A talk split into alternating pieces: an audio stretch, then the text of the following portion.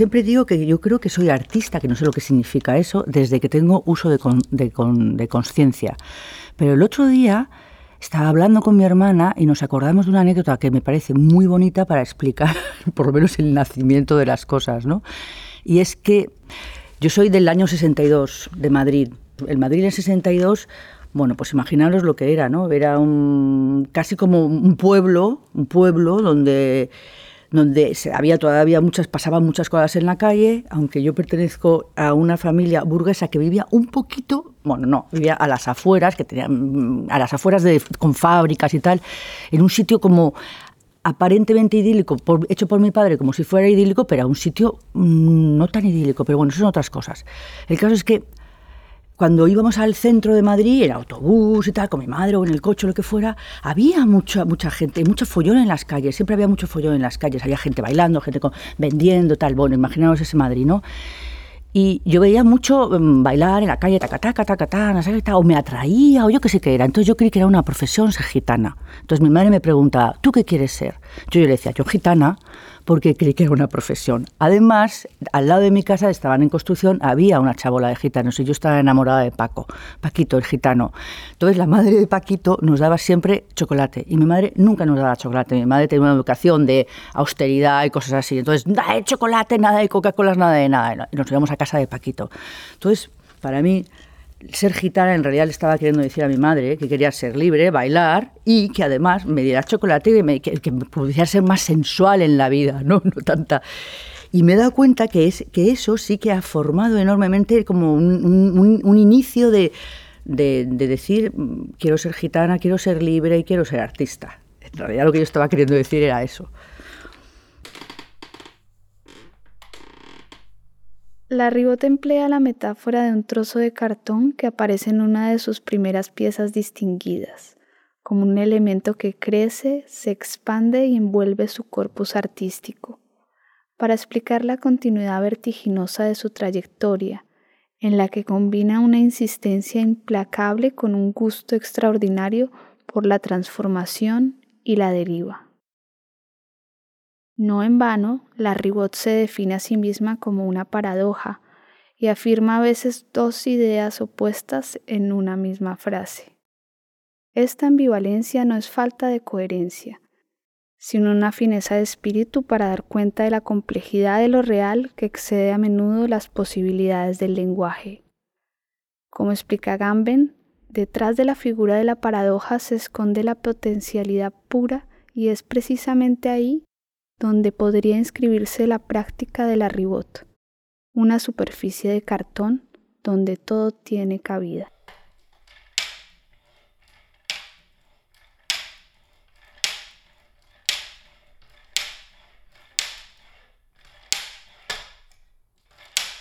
En este podcast hablamos con la bailarina, coreógrafa y artista visual sobre momentos clave de su infancia los días de creación y delirio colectivos de Bocanada Danza, el Festival Desviaciones, la UBI y la posterior crisis económica y emocional que la expulsó a Londres en los 90, y su encuentro con la explosión de las artes en vivo. Y lo hacemos desde el espacio de ventaja que le ha dado su nuevo hogar para la danza y la enseñanza en Suiza. En el trayecto y las idas y venidas, aparecen momentos que nos sirven para vestir y desvestir a la diva, desde su deseo infantil de ser gitana, la fascinación que marca una niña al ver el espectáculo de la tauromaquia en la tele, sus objets trouvé fetiche, la cámara operador y un desencuentro, tal vez soñado, con Brosa. Y desde ahí, desde ahí creo que mi corazón ha salido como ha podido. Eso por una parte. Luego también es verdad que un poco más mayor, y esto ya es un poco más teórico, así como más filosófico y más divertido también por lo mismo, es que un día, ya como más mayor, nueve años, diez, un día pues me di cuenta que, que yo era una persona, una individua, y que pensaba, y que decía, joder, esto de ser existir. Lo que yo pensé es que pensé, pues esto de estar haciendo lo que estoy haciendo ahora mismo, que es como, coño, veo y soy y tal, debe ser existir. Y eso es muy filosófico, pero también es muy bonito porque creo que me dio, le me da la idea de empoderarme y de decir, bueno, pues esta soy yo. Tal. A partir de ahí eh, hay varios problemas, así mm, problemas más anecdóticos también en mi vida, y es que mm, no me atrevo a decir en mi familia que quiero ser bailarina, fíjate, ¿eh? o sea, que os cuento esto de la gitanería y del individuo que piensa, pero después tengo un hermano pensado y me empieza a... Entonces me callo y no lo digo, pero mi, mi madrina me regala un vestidito de clásicas, de no sé qué tal, entonces hay fotos, pero en realidad yo no hago nada hasta que ya un día me atrevo y mi madre me dice, pues nada, vete a, la, a esta del colegio y tal, y me meto en el colegio a hacer clásico hay más anécdotas muy bonitas, ¿no? De, cosas que eh, pasaban en el colegio, que se hacían funciones donde, donde me, chiflaba toda esa época en Navidad que diríamos que hacer una función de cole o no sé qué. Bueno, me chiflaba, aunque tuviera que heredar los trajes de India de mis hermanos sin botones y, mi madre pintaba tres rayas y ya salíamos todos con el mismo traje del año, del año anterior. Es decir, que había toda una chapuza y algo así muy vital, que a mí me parecía brutal de, bueno. Y luego, por casualidad, cuando me meto en una academia en Madrid, me meto con otro loco, hablo, de locos porque son los que me molan. Hablo de un loco que se llamaba Lambaldini, que también nos mete a, hacer mm, esto, funciones para sus padres y tal. era tan loco que, a todo el mundo convencía a los padres. A, tal. a mí me hizo hacer de paje, de paje. Usted será, tú eres paje, porque yo llegaba a la escuela y no tenía ni idea de bailar. Pero le dije, pues que quiero absolutamente estar ahí. Paje, ¿qué te parece? Paje de Giselle. y entonces me fui a Cornejos con él. Cornejos es el lugar donde se se alquilan los trajes de todo el teatro eh, de Madrid, no sé si de más allá, de todas las óperas y tal. Y es bonito, bonito entrar en aquellos lugares con los pasillos colgando y tal. Y tienes unos mm, camerinos con abiertos los espejos que te cierran, ¿sabes? Hacen hacen estas cosas que hacen los espejos.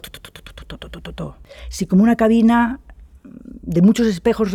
Oh, mira, era maravilloso. Entonces me me, alquiló un traje de paje y yo hice de paje de Giselle. Fue la primera vez que estaba actuando con ellos, con Adam Baldini. Adam Baldini alquiló, yo qué sé qué hizo, nos fue un coche a Avilés. Y en Avilés conocí a Olga Mesa. Teníamos 16 años. Y desde allí Olga Mesa ha sido mi mejor amiga. Olga Mesa es mi amiga más antigua, de verdad, de años pues no sé, estamos ya en muchos años, pueden ser más de 40. Y ahí conocí a Olga Mesa y seguimos en Adam Baldini juntas y nos fuimos juntas a estudiar a Cannes a Rosella Hightower, que era una escuela de danza clásica, muy clásica, donde que estaba sobre todo enfocada a hacer mm, intérpretes bailarinas y bailarines, no tanto otras cosas. Pero bueno, de todas maneras, de todas esas formaciones salían todos los, las coreógrafas y los coreógrafos y los directores y puestas en escena y tal del mundo. Y bueno, yo como creo que cualquier formación, cualquier formación que te interese y que te guste, te, despegan las ideas para otras miles de cosas. Entonces, bueno, a mí aquello me interesó mucho y me gustó mucho, pero lo, aguanté dos años, solamente dos años. Olga se quedó un año más. Pero fue una, escuela mm, clásica a tope y, muy bonita, muy bonita, muy bonita. Aprendí muchísimas cosas mm, que todavía tengo. Todavía, todavía me acuerdo. Hablo de cosas muy técnicas, pero también de, la vida. Y, y entonces me di cuenta que realmente el ballet no era para nada lo mío porque mm, principalmente yo creo que son las ideas del ballet que me, que me fastidian, esas bailarinas cursis, esos valores de, cuentos antiguos, ideadas, no, no, me interesaba nada, sobre todo, ahora lo puedo ver con una distancia muchísimo más eh, cuentos, ahora lo veo como cuentos más bonitos y lo podría aceptar más. O sea que ahora yo me puedo poner a incluso a hacer un, un ballet y lo entiendo. Pero en la época me parecía muy, muy arcaico. Y además la, forma de enfocarte, una forma muy de enfocarte a ser bailarina, y es que yo me daba cuenta que, que no debía tener ese carácter.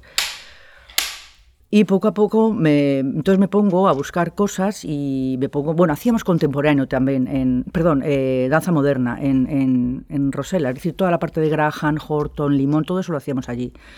Entonces yo me di cuenta que esa, esa era muchísimo más mi, mi línea. Entonces me, quise ir a, Nueva York a estudiar con Cunningham, que era como si dijéramos lo que teníamos que hacer, eh, los que no queríamos hacer clásico. Y cuando yo vi aquello, me horrorizó y dije, pero yo cómo me voy a meter en otro clásico, porque Cunningham es, eh, a nivel técnico es más duro todavía que lo clásico, que el clásico. Y no vi la capacidad contemporánea del discurso tanto, que a lo mejor eso hubiera sido más interesante, pero da igual, en esa, da igual, es decir, me volví. Y en, en, realidad empecé, me metí en Madrid, bueno, iba muchas veces a Alemania porque me interesaba muchas, pero eran como cursos de verano muy concretos, pero que estábamos dos meses, o sea, que eran como casi másteres. Y eran cosas alucinantes, ¿no? De, de, mucha mezcla, porque a mí me ha interesado, por ejemplo, la parte más eh, jazz de la danza, es muy divertida y siempre me ha interesado mucho. Luego había coreógrafos, había un coreógrafo que me gustaba, que ha sido muy denostado después en, en Francia. Bueno, sabes esas cosas de las modas, está, pero es lo que digo antes, cuando a ti te interesa algo y lo aprendes y lo entiendes, da igual quién sea, el otro. Maestros buenos hay por todos lados y maestras también. y este tipo, yo siempre tenía la idea de que, de que había que construir, había que, hacer, no solamente interpretar. Entonces yo siempre, siempre, me acercaba a aquel que veía que me dejaba construir o que me dejaba... Y este tipo, que era Gigi Casiluni, me dio muchas, mmm, me dio muchas cosas de cómo uno puede componer, construir, eh, organizar el espacio, el cuerpo, para la gente, papá, papá. Estoy hablando de una, forma muy de formación. Y el otro día, en el Festival de Otoño, cuando estábamos exponiendo todos mis cuadernos, que puse como 40 cuadernos que tengo guardados con notitas y tal, veo las notas que había cogido de todas las siete clases. Bueno, me, me sorprendí de lo empollona que era. Nunca me he considerado una empollona. Bueno, pues tenía el día uno, clase tal, ejercicios todos escritos, todo lo que hemos hecho, y los leí. Me quedé acojonada porque leí casi como, un, como cosas que por lo menos me duraron 10 años. De, que eran cosas de repetición y tal, que estaban muy de moda en ese momento, como una especie de danzas minimalistas y tal. O sea, nada sorprendente, pero que a mí me, se me quedó. Y luego me vine a Madrid y en Madrid en Madrid, ¿qué hice? En Madrid mezclé todo. Trabajé muchísimo con todos los clásicos de Madrid, que hay gente muy buena. Había gente, hay gente muy buena. Víctor Villate era un buen profesor, Carmen Rocha ha sido una buenísima profesora, Luis Fuentes cuando vino de Nueva York dio una, daba clases magníficas también, pero en realidad, vuelvo a decir lo mismo, son clases para los intérpretes, interesantísimas porque tienes, entonces yo las utilizaba de training. Bueno, íbamos allí, hacíamos clásico. Entonces lo, el clásico sin estilo, es, es, es, casi casi deportivo, precioso, bueno, como yo lo pillaba, como yo lo encontraba, entonces, bueno, nos servía muchísimo para, para lo que es mantener, eh, seguir, seguir en las líneas y tal y cual, pero ya estábamos con Bocaná, ya estaba yo montando, ya había hecho móviles, ya había hecho miles de cosas en Madrid, colectivos, no colectivos, y tal, y entonces ya en esa época, cuando ya dijimos, venga, vámonos todos a, a entrenarnos en clásico, ya había estado con Carmen Senra, ya había estado con Carlos París, que eran profesores de contemporáneo. Es decir, que había hecho muchísimas cosas en Madrid. Y Carlos París y Florencia Varela eran coreógrafas y coreógrafos. Ya estaba yo ayudándoles en producción y yo era la que les hacía los vestuarios, que yo era activa, activa, activa. Y de hecho les, les hacía yo los dosieres.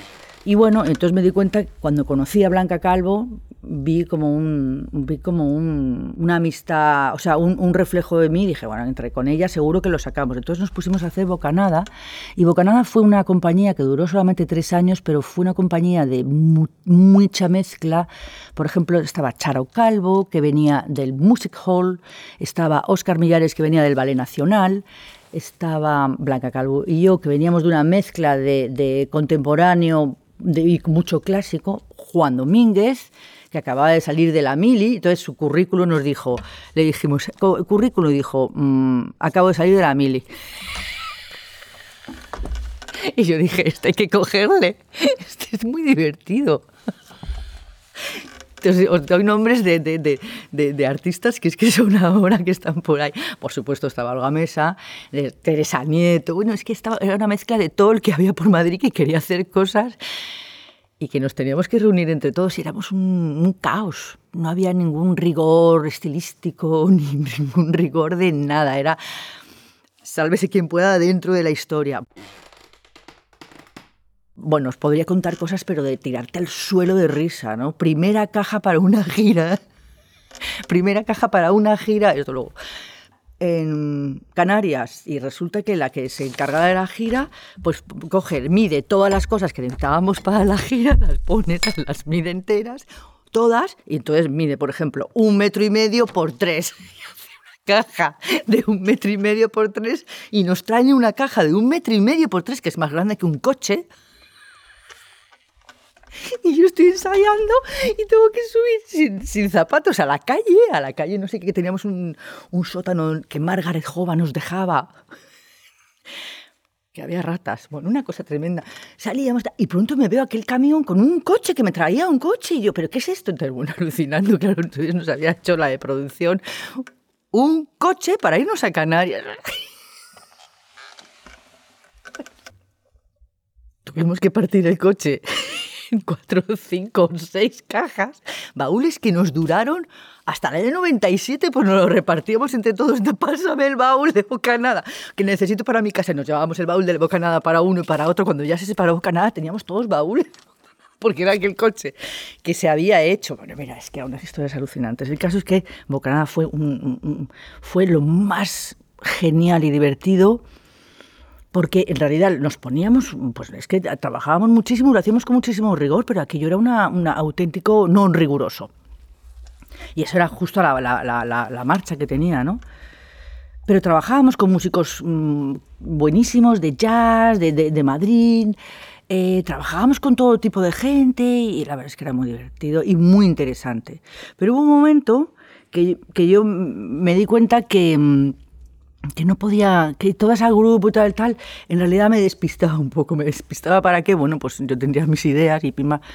Y entonces decidí que, que, que tenía que continuar sola. Fíjate, ¿eh? Y ahí viene la, de, las cosas que he leído, ahí viene como toda la paradoja que soy, que es, pues, pues yo, me veo como muy outsider y solitaria y diva, para, para darle nombres, y eh, centrada en mí y tal, tal. Y luego, por otro lado, no, no es verdad. Soy totalmente colectiva, me encanta el, trabajar con grupos, me, me, me, nutre muchísimo más. No, muchísimo más, no, no lo tengo que comparar. Simplemente es muy necesario también para mí lo valoro tremendamente.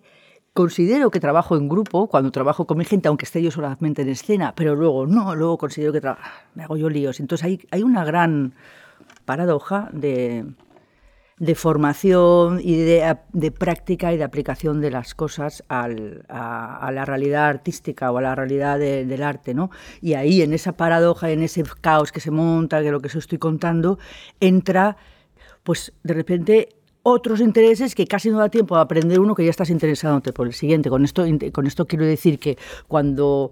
No, no es verdad. Que va, que va, que va, que va, que va. Si yo soy una concentrada, en el fondo soy una concentrada. No, no, no. Las piezas distinguidas durante los diez primeros años cuando me he separado de, de Bocanada, las diez primeras piezas distinguidas me concentro como una loca y es toda la serie las primeras piezas distinguidas y ahí estoy súper concentrada. Y no estoy con el caos para nada. Es que eso viene más tarde cuando ya me quedo más como más solitaria y empiezo a observar cómo eh, las artes plásticas practican su trabajo, por ejemplo, los pintores y tal, hay ideas que, que empiezo a... Hay, hay, sobre todo prácticas que empiezo a acoplar a, a lo que yo estoy haciendo, al, al cuerpo, pero también al movimiento, también a la, a, lo coreográfico, estoy hago eh, justapongo, es decir, que utilizo como mm, cosas que, que, estos, que estas prácticas que no se hacían así en, la danza, ni en lo, coreográfico, y empiezo a avanzar en las piezas distinguidas, ya viviendo en Madrid. Y las piezas distinguidas, sobre todo las primeras, empiezan a tener mucho éxito y me sacan fuera. Entonces es donde conozco a, a Gilles, Gilles Jobin, que sería, que luego me casaría con él y he, hecho, he vivido 20 años, hemos vivido juntos. Y es Gilles mucho el que, cuando viene a vivir a Madrid conmigo al final de los años 90, que viene en el 95, 96, no me acuerdo muy bien, estamos ya nosotras, eh, las coreógrafas de Madrid, ya estamos unidas en una cosa que llamamos UBI, la inesperada, con todo el carácter de urgencia que tiene la idea de UBI. Y es porque desde el final de las nuevas tendencias escénicas de, la Sala Olimpia que dirigía Guillermo Eros, de repente eso, al desmantelar, al se desmantelarse eso, que era ministerial, es decir, que era de todo el Estado, las artes escénicas y de la danza se empobrecen mucho más y hay una brecha que se crea enorme y muy política y muy importante de entender, por lo menos, y es que solo se mantienen las grandes compañías, bien sujetadas por el Estado, bien institucionales, que se pueden colocar en grandes lugares.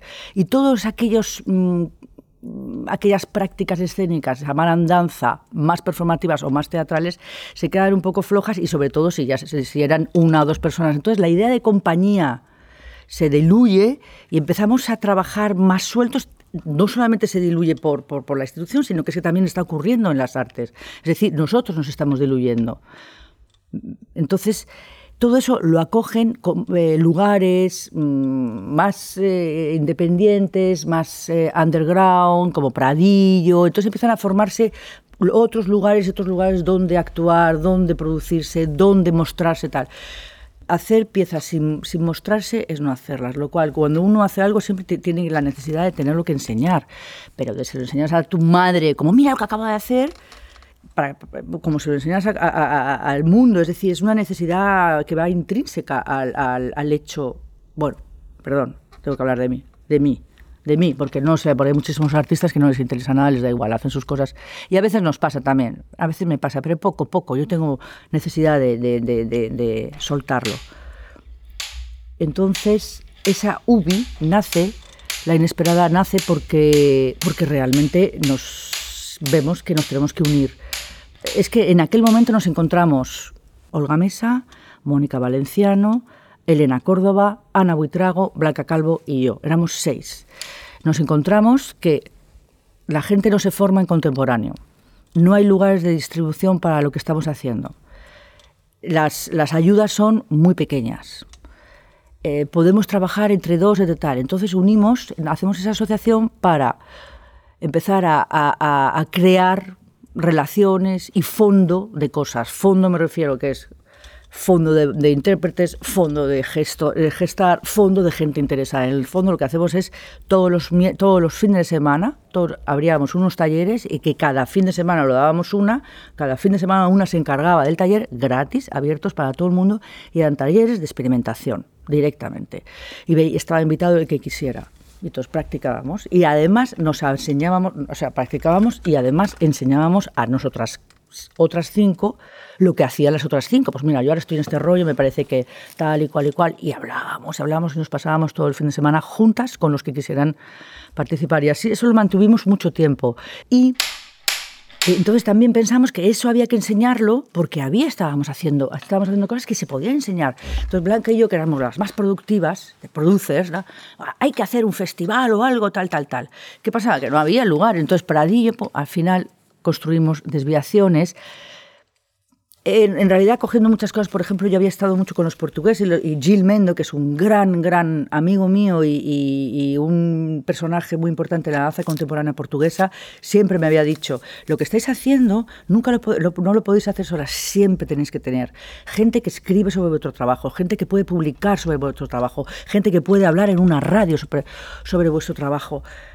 Y entonces yo llamé a José Antonio Sánchez, mi, amigo, que ya nos conocía evidentemente y que era muy amigo de Olga y que, y se había metido con nosotras. Y entonces le dije, vente con Blanca y conmigo y con la UBI y tú eres como la parte más teórica de este desviaciones. Le llamamos desviaciones para dar la puntilla a todo lo que no era, estaba en la norma, ¿no? O sea que ya, ya ahí en, en, ese título había, había muchas ideas de, creo que estamos en lo que estamos haciendo ahora, de inclusión y de muchas cosas, de que, y sobre todo de, de, quitar formas a la danza, de quitar perfección a la danza y bueno, de unirnos muchísimo más a lo que era una danza que es la que nosotros heredábamos de los años 60 y de los Jackson que ya habían quitado todas esas cosas, meternos mucho más en el rollo e impulsar.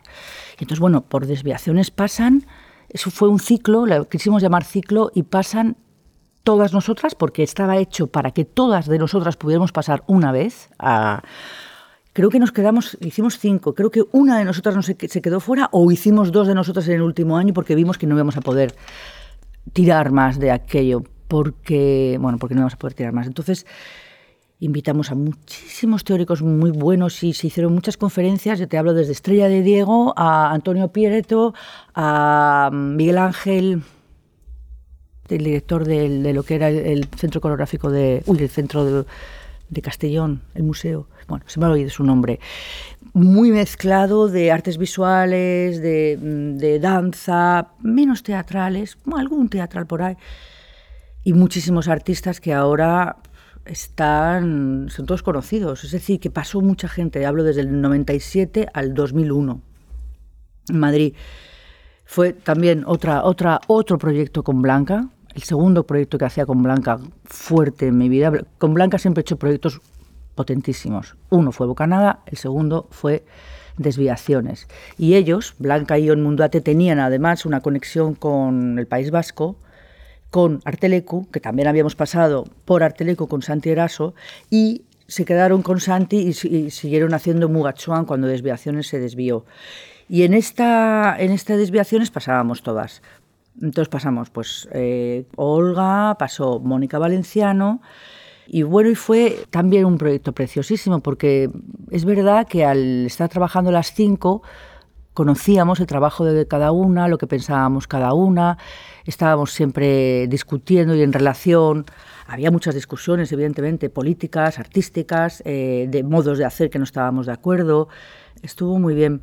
siempre lo digo y lo, sigo repitiendo, Bocanada era una compañía de danza contemporánea como lo que tenía que ser, como lo que tenía que tener el Estado español de vez en cuando, así como compañías de danzas contemporáneas que no hacían ni caso porque eran pequeñas y que les ayudaban así como tal y pretendían que así siguiéramos toda nuestra vida porque eso eh, respondía a un modelo francés que se estaba haciendo o respondía a un modelo alemán o, respondía a un modelo inglés o a muchos, una copia de muchos modelos que en Europa estaban intentando entender aquí cómo eh, las artes y las artes escénicas tienen que mantenerse con mucha con mucha ayuda del Estado, porque es que si no, no pueden existir, por mucho que haya peleas, hay muchas peleas con eso, pero si no, no pueden existir porque, porque requieren a mucho, mucho grupo. Eh, el cine está clarísimo que no puede existir, ¿no? Bueno, pues ¿por qué las artes escénicas sí? Siempre, siempre me fastidia mucho cuando vemos venir a los extranjeros con que viene fulano de tal, pero ¿tú qué te crees cómo, cómo viene este señor o esta señora? Pero si vienen todos mm, eh, con subvencionados, pagados, con becas, con bus, o sea, con todos vienen ayudados por sus estados de una forma o de otra, sus formaciones, sus eh, eh, viajes sus compañías, sus administradores, sus contables están todos pagados a lo mejor al año, a los tres años o a los diez años, depende de los convenios que tengan, que se hayan... Eso es así en toda Europa. Entonces, bueno, yo me acuerdo, hay muchas, yo me acuerdo cuando conocí a Matilde Monier, que la conocí en los años 80, me dijo un día el presupuesto que tenía para hacer eh, su obra y era diez veces más que el presupuesto que yo tenía para toda mi compañía para todo el año. Y me, me acuerdo que le fui a Blanca y le dije, mira Blanca, así no vamos a ir a ningún lado. Es decir, si, además nos pretenden poner en las como la, danza contemporánea española, eh, la Ribotti, Blanca Calvo y, Matilde Monet, yo para nada no me quiero meter en ese carro. Es que no me quiero meter en un carro donde me pone una señora que se llama Matilde Monet, que tiene 700 eh, administradores, un, equipo de no sé cuántos y que viene a actuar al albeniz a la misma edad que yo, que, nos, que tenemos que ponernos un celo en el culo para poder salir en, en escena. ¿Por qué? O sea, es completamente absurdo compararlo. Pero ¿y ese crecimiento o mm, tratamiento? Porque claro, si dices crecimiento ahora... No, no se ha entendido nunca. Y cuando teníamos que entender ya otro, ahora tenemos que entender otro mundo. Ahora los franceses lo están haciendo fatal, todo el mundo lo está haciendo fatal. Tendríamos que empezar a trabajar de otra manera, justo cuando todavía no se ha entendido el anterior. Me desespero porque es tan lento, el aprendizaje es tan lento en realidad yo me siento en crisis en España desde el año 92. Es decir, en el año 92 hay una gran crisis, para mí esa crisis duró hasta que me fui a Londres. Y se acentuó, primero, cambio de paradigma de cómo tenía que trabajar, ya no podía trabajar más en Bocanada, no podía trabajar con un equipo de ocho más todos los músicos más, más tal, porque nadie cobraba nada y nadie tenía dinero y, y, nos matábamos. Y era absurdo y además estábamos mal colocadas porque el lenguaje tampoco tenía que ser ese. Entonces me pongo a trabajar sola por crisis y porque veo que es la única forma de comprender de verdad, de comprender de verdad mm, las, ideas y las cosas, porque no es más que comprenderlas, coges esto y con esto lo puedo hacer. Bueno, pues ahí me concentré en que yo con esto podía trabajar, porque en realidad tenía que entender lo que quería, lo que pasaba, ¿no? Eso es crisis, crisis económica, crisis eh, intelectual, crisis de todo. Luego, UBI entra en la urgencia de esa crisis que estamos en los años 90 y luego llega Jill impulsa muchísimo toda esa mm, pelea y la impulsa y nos vamos a Londres. Y entonces mm, me voy y dejo mm, desviaciones, no querían seguirlos en mí, pero sí que lo transforman y lo transforman en otras cosas. Y también aparecían en ese momento situaciones de José Antonio Sánchez y Juan Domínguez con Maral. Se ponen como locos en la casa, bueno, se ponen en la casa encendida a hacer impresentable que dura unos buenos 10 años. ¿Por qué? Porque tiene una casa encendida detrás.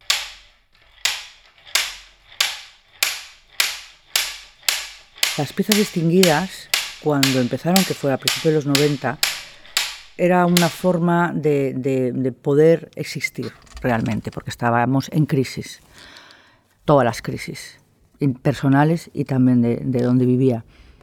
Y entonces, bueno, la idea quizás va a ser proyectarme mucho en el tiempo porque necesitaba continuidad, porque lo que yo, he echado en falta siempre en, en, este país es que no hay continuidad. Hay proyectos que crecen, que se defienden con personajes estupendos, pero o se cortan, o se mueren, o, se decide quitar, políticamente hablando, ¿eh? o la gente no tiene energía para seguirlos, entonces no hay ninguna continuidad. Y eso me parece que es un... necesito la continuidad, aunque sea mental. Entonces me, me, inventé un proyecto que decía, voy a hacer 100 piezas distinguidas durante toda mi vida. 100 piezas, 100 piezas distinguidas, ¿qué significa? ¿Qué es una pieza distinguida? Es algo que trabaja sobre la pieza corta, no la pieza larga. Quita la narración, no tiene discurso eh, unido una con otra. Es decir, que todas las piezas son distintas una de otra. Se llaman distinguidas porque están mm, inspiradas en, el título de Les Trois Vals Distingués de, eh, de Précieux de Goutet de Eric Satie. Eric Satie es un músico Mm, que ha trabajado también en, la, en, Disrupto, es decir, que, tiene dibujos, textos maravillosos, poemas, trozos de música, algún ballet que le encargaban, ¿sabes cómo? Y bueno, que eso, eso me parece un gitano, es decir, libre completamente y pam, pam, que es lo que a mí me mola y es lo que yo tengo que ser. Entonces las piezas distinguidas me permiten tener intereses y, darles la forma que mis intereses vayan independiente de lo que esté pasando en el mundo, independiente de las narrativas, independiente de las tendencias. Porque es que a mí el mundo en ese sentido a veces me interesa y a veces no. Bueno, pues yo me doy el, sistema posible para que, yo, para que lo que me interese cogerlo y lo que no me interese no tanto. Hablo desde un punto de vista teórico-artístico, no estoy hablando del social. ¿eh? Entonces me pongo a hacer piezas distinguidas y las voy acumulando sobre un tema o algo que me interesa. las voy acumulando y cuando eh, ya tengo un buen paquete de piezas, por ejemplo, 13, las titulo 13 piezas distinguidas y son 13 cortos trozos y se llama mm, espectáculo o performance o lo que sea. Y lo, llevo a escena, por decirlo así. Lo pongo en escena y ya está bien. Entonces esas series se van acumulando a lo largo de mi vida. Ahora voy 20, estamos en el 20. Tengo 53 piezas distinguidas que, están metidas en cinco espectáculos y alguna que otra fuera de serie. Es decir, por ejemplo, la pieza Distingué Cagonsac está fuera de serie y dura 30 minutos y es excepcional. Y dentro de esas, de esas piezas había una especie de reglas al principio que eran las reglas de la crisis por las que nacían las piezas distinguidas. Eran hechas para mí, interpretadas por mí, yo no, tenía ninguna necesidad de vestuario ni de nada, porque ya me lo iba a hacer yo, y los vestuarios en realidad fueron objetos que yo me iba encontrando, o no, son, no se pueden decir ni vestuarios, porque en realidad era como que el cuerpo adoptaba, porque estaba ya practicando muchas cosas de las artes visuales, tanto que venían de la performance, de los performeros que cogen sus cuerpos y los utilizan como telas, y, y su cuerpo es el que el, el, la tela, como más de ready-made y coger la cosa que ya está utilizada y, y, pegártela o más eh, directamente coger el pincel y pa, ¿sabes? Entonces hay una mezcla muy sin teoría, sin teoría, que yo voy, voy, en realidad voy haciendo como puedo, como creo, y se va creando un lenguaje entre visual, entre mm, performativo, porque le quito a la danza muchísima forma de la danza, entonces le dejo a la danza lo que yo llamo la danza, pero parece ser que no, pero sí lo es,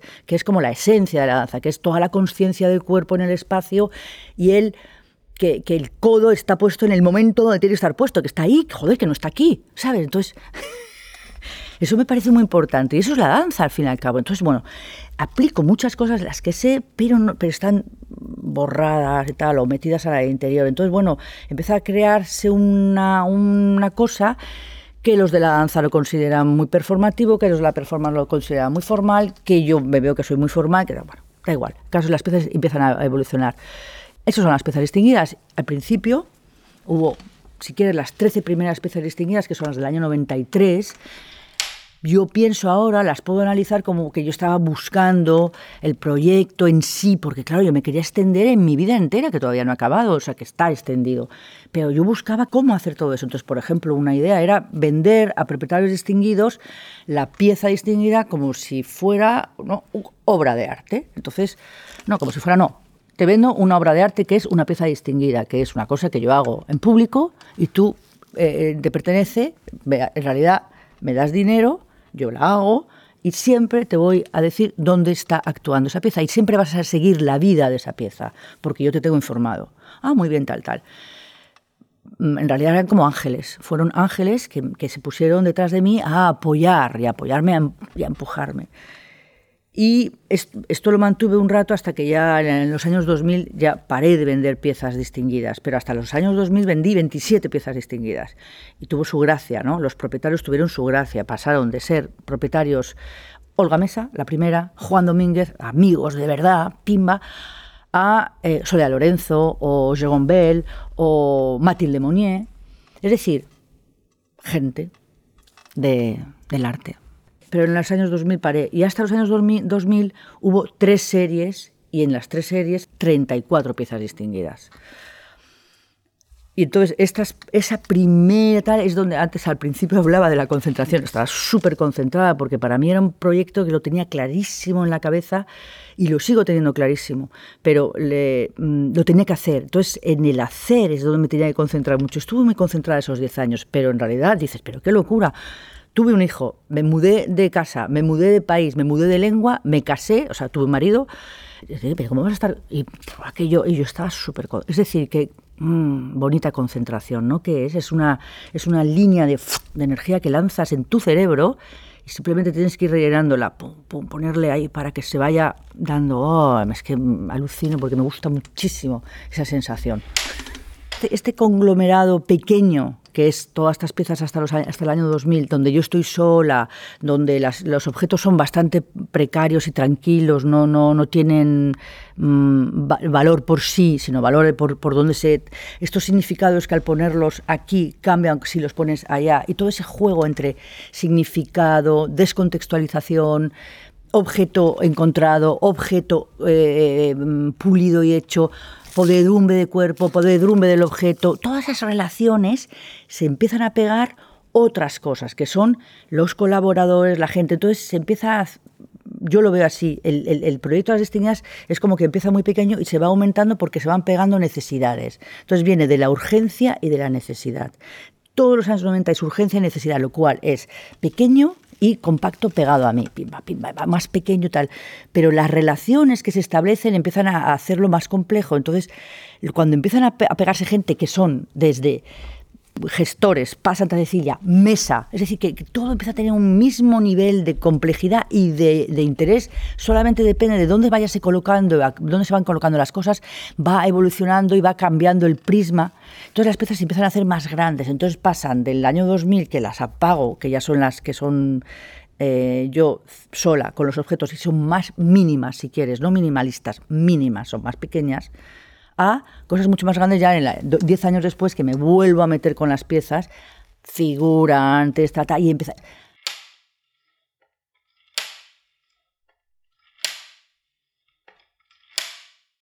Lo que intento explicar es que el mismo proceso artístico es el que me pasa socialmente. El mismo proceso que yo hago tal me pasa con, Mónica Valenciano y con Kubi. Es decir, las cosas van todas relacionadas y pegadas. Y Ubi la inesperada y, y Gilles Jovan, en toda esa precariedad de la crisis de los 90, son elementos y piezas que se van metiendo en mi trabajo de una forma u otra, y sin formas o de una forma u otra, yo las veo igual que el zapato rosa. Lo que pasa es que el zapato rosa me lo pongo en el pie derecho y lo llamo Miss Bondage y, y Mónica Valenciano la meto en mi libro para recordarla y tenerla siempre metida en mi libro. Y entonces todo empieza a ser un conglomerado. Y entonces empieza, por ejemplo, la, historia de la venta. La venta es otro, otro lío de esos. La idea de la venta es poder hacer la siguiente pieza, que es lo que yo quería, poder tener continuidad. En realidad, si yo, eh, yo me vendía una pieza a un, a un, mm, a un montón, a, a una suma que fuera accesible al que tuviera enfrente, que realmente convencerle de que me podía producir la siguiente. Y, la siguiente, y la siguiente. Y así las 27 me produjeron la siguiente.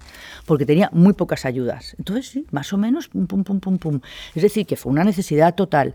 Pero además la idea de que no le iba a dar nada a cambio tangible, sino que de repente lo, lo efímero podía tener valor. Y entonces, al tener valor, lo efímero, ¿qué significa? Que la danza contemporánea es arte contemporáneo y es posible valorarla como arte efímero cualquiera. Y entonces esa, es la, esa, es la, acción, digamos, política que estaba haciendo. Y es que la danza contemporánea era un arte contemporáneo, es un arte contemporáneo y tiene valor contemporáneo, es decir, lo efímero también se valora. ¿Y cómo se documenta? Bueno, pues en este caso no lo documento haciendo, es decir, tienes que venir a verlo, vas a salir al lado, para, sobre todo para el propietario o la propietaria, vas a salir al lado, titulado al lado de tu pieza y Normalmente he sido muy caótica en las grabaciones, porque realmente a mí lo que me interesa es el vivo. Entonces, cuando te interesa el vivo, en realidad te cuesta muchísimo ver la parte de la documentación. Yo tenía amigas y amigos buenísimos fotógrafos que venían a hacerme fotos y siempre les decía, no te preocupes, tú haces unas fotos buenas que son para prensa y tal, porque en realidad nunca comprendía del todo la... Lo, la sí la comprendes, evidentemente, pero no te interesa. O dices, bueno... Y entonces me filmaban amigos, oye, ¿tienes una cámara? Tienes una cámara así, y venía, pum, y filmaba. Luego, pum, pum.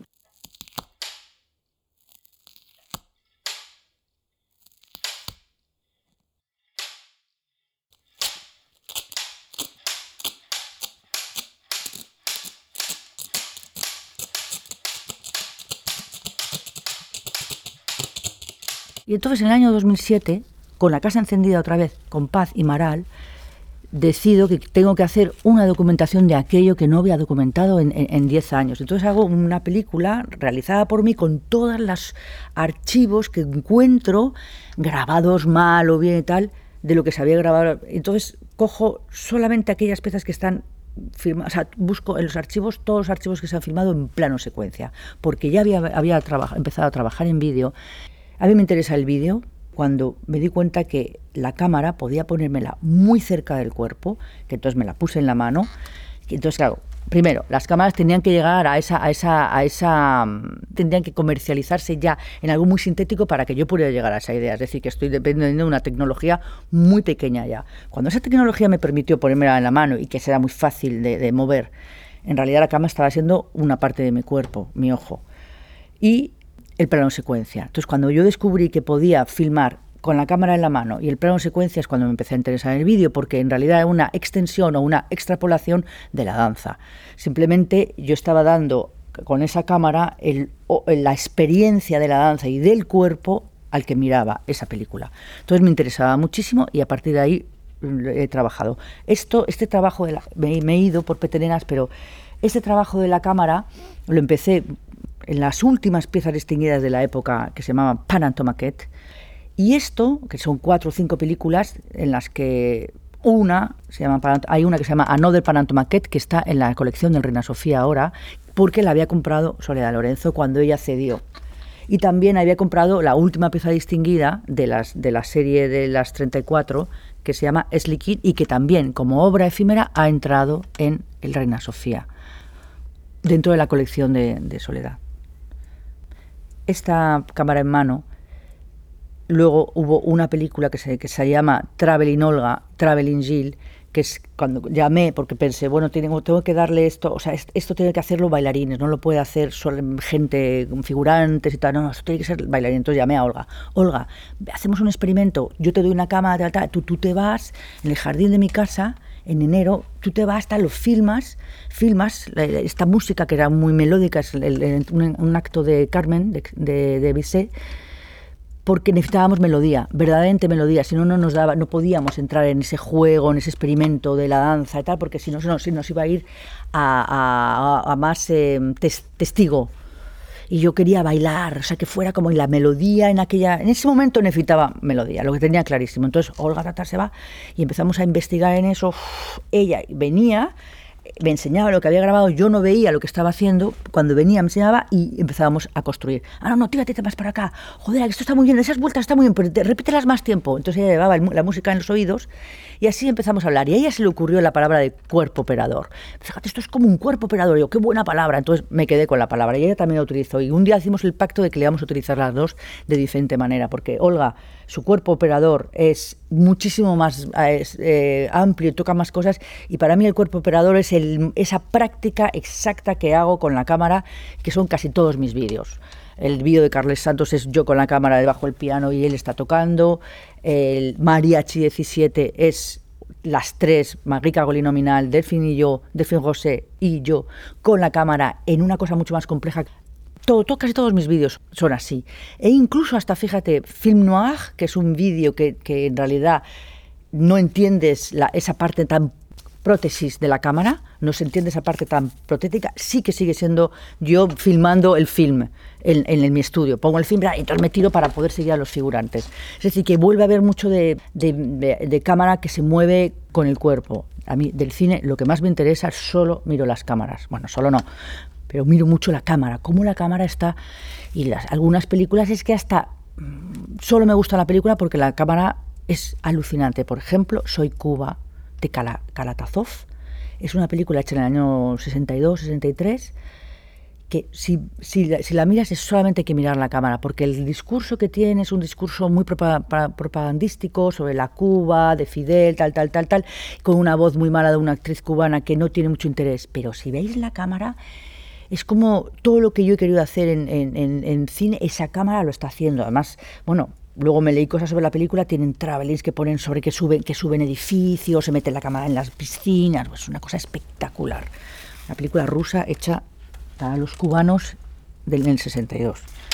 Esto es, esto es lo de la cámara, que, se va complejizando el proyecto de las distinguidas y que ya no se queda en el teatro, sino que de repente se sale a, un, a una película que dura tres horas, que es la que hizo La Casa Encendida, que la produjimos con La Casa Encendida y con otros varios, donde salen todos esos archivos mal filmados, tal, pero que intentan mantener el plano secuencia. Porque, y por eso dura tres horas, porque si tú pones las tres series juntas, duran tres horas. Entonces yo no quería una película documental eh, resumido para, para nada. Es que yo quería que eso fuera un documental de lo que pasaba, lo que pasa y lo que pasa está liado al tiempo, al tiempo real. Entonces lo que pasa para mí en la escena siempre está liado al tiempo, es time-based, no es resumidito.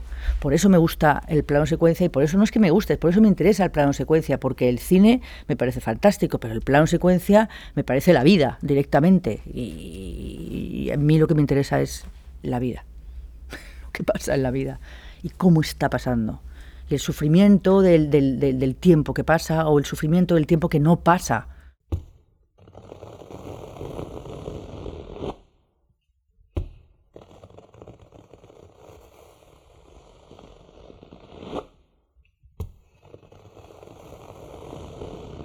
Lo que estoy llamando crisis es todos los 90 y en esa crisis entra Lois Caydon y en esa crisis nos damos cuenta que eh, ella me dice, vente a vivir a Londres, esto es un...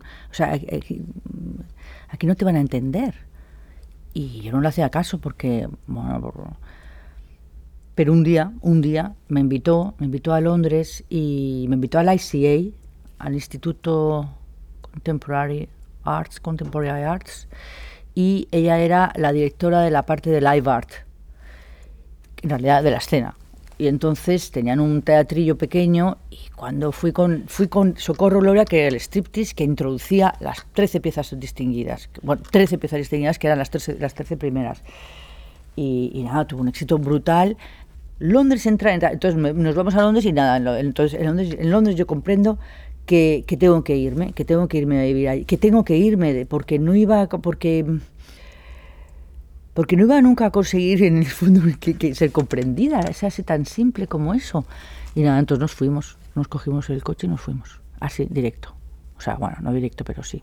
Y bueno, y en el live art, en aquella época, estamos hablando del final de los 90, los Young British, British Artists estaban muy en boga ya, lo primero que hacemos es llegar a, Londres, lo recuerdo muy bien, y ver una exposición absolutamente magnífica que ya resumía, porque claro, sí que ya resumía porque estos va muy rápido, porque estos nacen en el 93, todos empiezan a hacer exposiciones en el 93 y en el 97 están en, no sé, no me acuerdo cómo se llamaba el sitio, eh, la Royal Academy, creo que es la Royal Academy en Piccadilly, una exposición macro de toda la creme de la creme de los mejores artistas que en esa época tenían 30 años, ¿no? O sea, es que va muy rapidito, ¿no? Como... Y ahí nos vimos a pues todos, Sara Lucas, Tracy Amin, y yo me enamoré completamente de, de, de, esa parte, de esa parte visual magnífica, que mí siempre me parecieron artistas geniales todos, y mm, bueno, luego hay unos más que otros, evidentemente, y de toda la parte del live art que en el fondo respondía a lo mismo, pero más live art y muchísimo más eh, underground, muchísimo más pequeño, que es con la que yo me voy. Mm, eh, nada, es esto, eh, mi vida en Londres tiene mucho que ver con eso. En ese, en ese, momento también el live art toma mucho terreno de, de, de, existencia y nada, y trabajo mucho con ello. Eh, la, Lois Cadon, que, fue, que es un poco la fundadora de lo que se llama ahora la Live Art Development Agency en Londres, porque luego abrieron otras más creo por ahí, eh, ella siempre dicho que ella siempre dijo que el live art era una umbrella que recogía todos aquellos trabajos que no pasaban por la norma institucional o mm, comercial o Mm, conceptual y con todos aquellos trabajos evidentemente que tenían que ver con, con, lo vivo y con el cuerpo en acción, en vivo y tal. En realidad es una nueva manera de llamar a la performance art, pero más larga, porque es verdad que tocaba muchas más cosas. La performance art más antigua, más de los 60, a lo mejor todavía se, se marca más en aquellos artistas que estaban dentro de las bellas artes. La live art de repente empieza a incluir desde floristas a escritoras, todo, todo, todos los, los queer, todo lo mm, muchísimo más que lo que entendemos por, o sea, que lo que ha pasado a la historia como performance art, que también estaba incluido, es verdad que también estaba incluido, pero pasa menos a la historia en una historia más eh, convencional. Entonces, bueno, Lois lo que hizo es empujar que la historia convencional también escriba sobre eso. Eh, lo que se hizo en ATET era la primera vez que una institución de ese calibre se dedicaba, mm, dedicaba un, momento a todo lo que era vivo y no, y no objetual. es la primera vez que se hizo en Europa. La primera vez. Y fue un fin de semana largo, creo que fueron como cuatro o cinco días. Pero mm, yo creo que las muchas de mis distinguidas, sobre todo las que ocurrieron, las, la serie que se llamaba Still Distinguished, la hice en Londres, total, es el año 2000. Esta serie está totalmente tocada por, por, por esta influencia life bartiana inglesa, muy, muy tocada incluso de una forma más eh, light, si quieres, por ejemplo, todas las cosas de Bondage y tal, que estaban como muy de boga, el, el Torture Garden y tal, estoy hablando de cosas muy divertidas, de, prácticas muy fantásticas muy divertidas, pues yo, me, esta, esta señora, que, se, este paquete de mujer que se va a Heathrow y tal, en realidad casi casi es una, una broma a, la seriedad y la, y la, y la locura con lo que lo hacían ellos, ¿no? Pero sí que está muy tocada, está muy tocada por, el, por, por, por ejemplo, el tema de Another Bloody Mary, es una pieza que yo me había leído la, la, noticia, aquí había pasado en la Ciudadela, que había matado a un transexual a palos, y a mí me, aquello me dejó pero, pero seca, o sea, es que no lo podía creer, pues sobre todo porque, no sé, porque me parece que esas cosas ya no tenían que ocurrir, bueno, esas cosas nunca tienen que ocurrir, pero es que en aquella época no creía que se podía, todavía había esos problemas, ¿no? Y entonces, bueno, pues esta pieza, esta, esta serie de Still Distinguished recoge todas esas mm, cuestiones, temas, mm, inquietudes, risas, toda esa espectacularidad que tiene también el, live art. Tiene muchísimo. Yo cuando conocí a Ron Acy, por ejemplo, me di cuenta de lo que tiene de cabaret y lo que tiene de variedades y de farándula divertida, pero... Mm, bueno, es que me parece muy interesante porque realmente eh, volvió a darme otro impulso de libertad, de decir, bueno, bueno, esto, esto, esto es larguísimo, la, la, historia del arte es, es amplísima, y haces lo que quieres, joder, es tan bonito. Entonces, esto a mí me lo dio mucho el live art inglés sin perder, eh, sin perder digamos, una cosa así como de concentración, que es lo que decía antes, y de corazón, y en el fondo de rigurosidad que tengo, que es como, sí, sí, sí, pero dale, dale. Still Distinguished 2000 es muy influenciada descaradamente por, por el live art. Despliegue también está influenciado.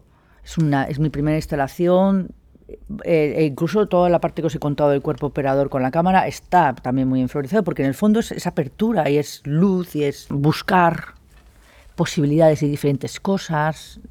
Y el final de Más Distinguidas lo hice en Londres también.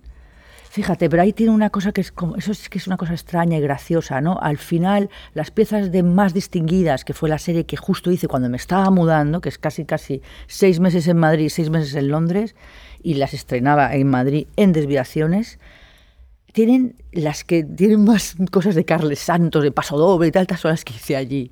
Todas las que tienen más cosas raras, de, parece que son de las de allí, es es al revés que ahí habla mucho de la paradoja, habla mucho de la paradoja que ellos decía que yo soy, que en el fondo casi voy como al contrario mm, de muchas cosas que aparentan, ¿no?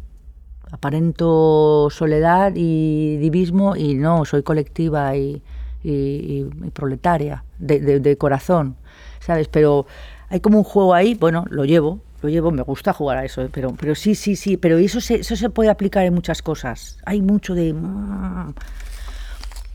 Pero, y luego ocurrió lo de la TED, que fue una cosa muy buena y muy bonita, porque lo que me propuso Lois, que era quizás en aquella época casi las únicas personas que habían seguido todo el proceso de las piezas, porque me conoció en el año 92, y que me había invitado, había seguido todo, ella sabía que mi idea de las piezas era continua, entonces me dijo, ¿por qué no coges todas tus piezas que llevas hasta ahora, que tenía 34, y las pones todas en el dispositivo último que has hecho con Steel? donde tienes a todo el mundo contigo, porque estaba trabajando la, idea del, poder que ejerce, el que, el, que actúa respecto al espectador, entonces lo quería poner todo en el mismo lugar para que todo ese poder cambiara mucho más a darle la responsabilidad de lo que ve, cómo lo ve y desde dónde lo ve al espectador. Entonces todo Still Distinguish está basado en una superficie donde todo está compartido, no hay direcciones, no hay nada, y yo voy haciendo lo que puedo bueno, puedo, mis piezas, una pieza tras la otra, mm, entre ellos. Y entonces todo el mundo se va ordenando como quiere, como puede, como sabe, como es, como piensa. Y entonces me dijo Lois, pon todas, las de los teatros, las del teatro del principio, ponlas todas en eso. A mí me costó exactamente cinco minutos, porque es que en cinco minutos le dije, sí, sí, pero claro que lo puedo hacer. Me parecía un proyecto, era el proyecto que yo quería hacer. En realidad me estaba dando el proyecto que yo quería hacer durante diez años. Entonces me, lo sirvió, lo llamé Panoramics y dije, bueno, lo hago y ya con Paz, ya Paz estaba ya conmigo, la dijimos, pues venga, lo hacemos en cinco lugares guays y tal, tal, tal. Entonces lo hicimos en cinco lugares que fueron Pompidou, porque yo ya trabajaba con París muchísimo. Bueno, París es muy importante en mi vida, todos los franceses, porque cuando me mudo a Londres, en realidad me conecto con, con París inmediatamente, por el Teatro de la Ville, pero también por el Festival de Otoño, por el Pompidou y siempre me han ayudado, siempre me han apoyado y siempre me han producido. Y ha sido mucho, muy, muy importante a, todos los niveles. Pero bueno, entonces hicimos Pompidou, hicimos Reina Sofía, Brest, porque tenía ahí un fantástico colaborador, coproductor, que me seguía y me ayudaba mucho, y el Centro Contemporáneo de Ginebra, porque ya estábamos pensando que nos íbamos a volver y porque yo además iba mucho a Suiza por, por Gilles, ya desde el, desde el 95. Bueno, en realidad yo conozco allí porque me invita a, actuar a Ginebra.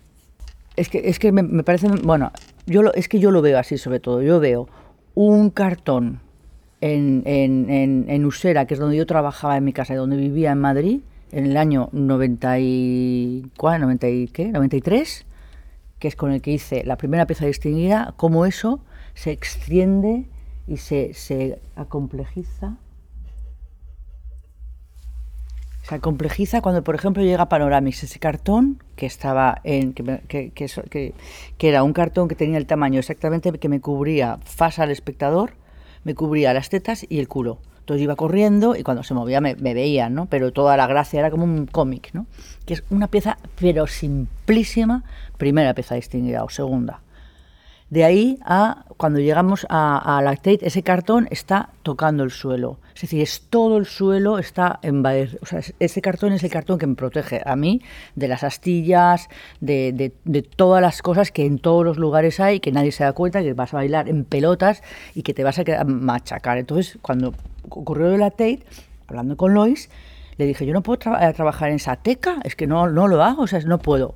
Y nos vamos a poner un, danza. Y entonces al final dijo, vamos a poner cartón.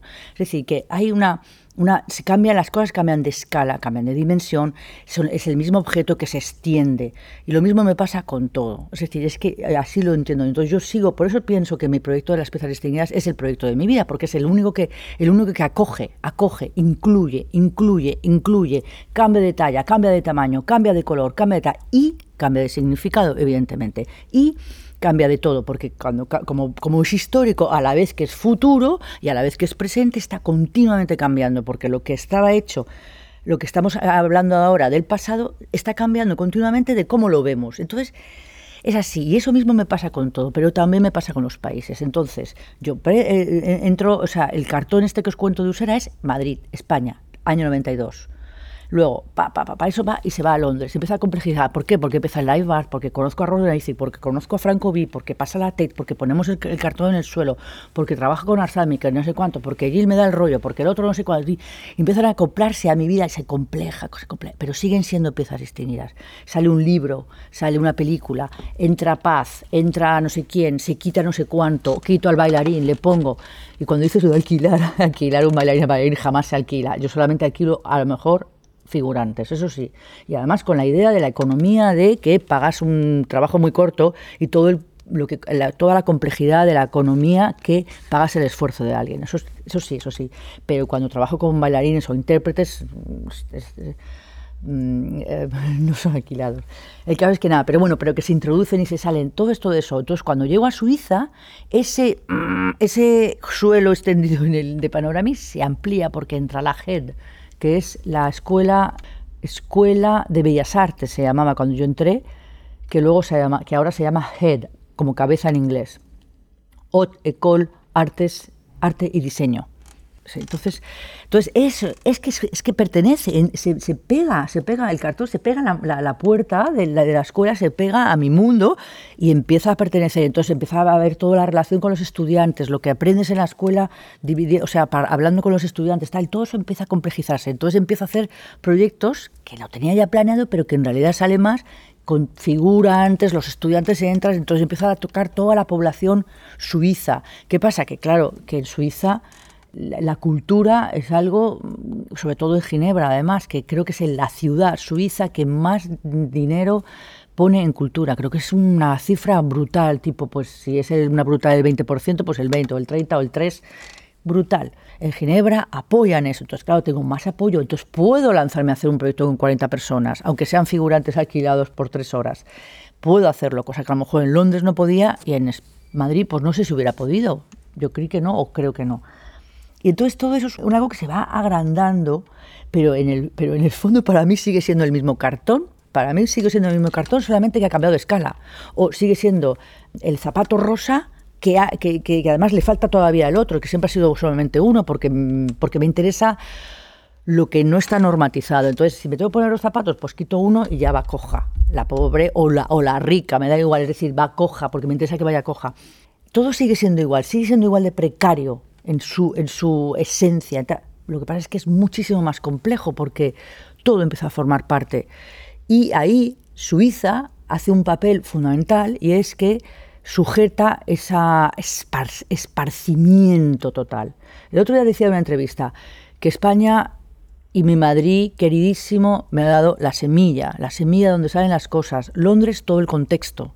Y Suiza me ha dado el agua el agua para que aquello crezca. Y es verdad, en Suiza tengo un estudio, tengo ayuda mm, desde hace seis años, o sí, desde hace diez años ya, vivo hace, hace 15, desde hace casi diez años tengo una ayuda permanente al año, que, que, es un pacto entre el ayuntamiento, entre el cantón, que es república, y la federación.